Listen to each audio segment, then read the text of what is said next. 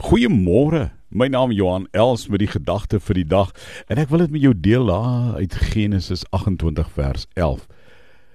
Jakob neem een van die klippe van die plek en sit dit onder sy kop en hy het gaan lê en op die plek aan die slaap geraak. Jy ken daai storie in Genesis 28.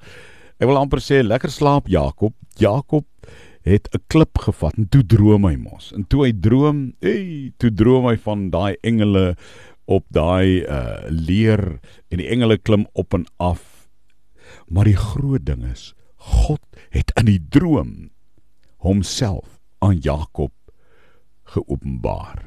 Daar Genesis 28.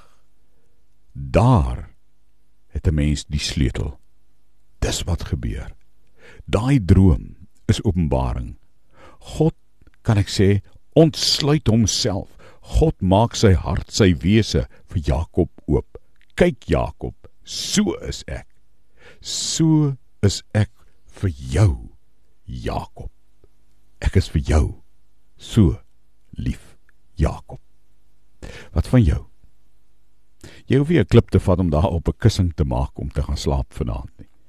Jou dag lê voor jou. Maar leef nie net in die droom nie maar deurbreek jou droom nie. sien God se lig ook wanneer jy onrustig is. God wil vir jou sê, nie in 'n nagmerrie nie, maar in 'n droom. Jakob, ek ontsluit myself, my hart, my wese vir jou.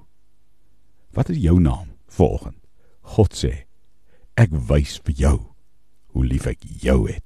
Ek sal jou deur jou moeilike dag kom dra.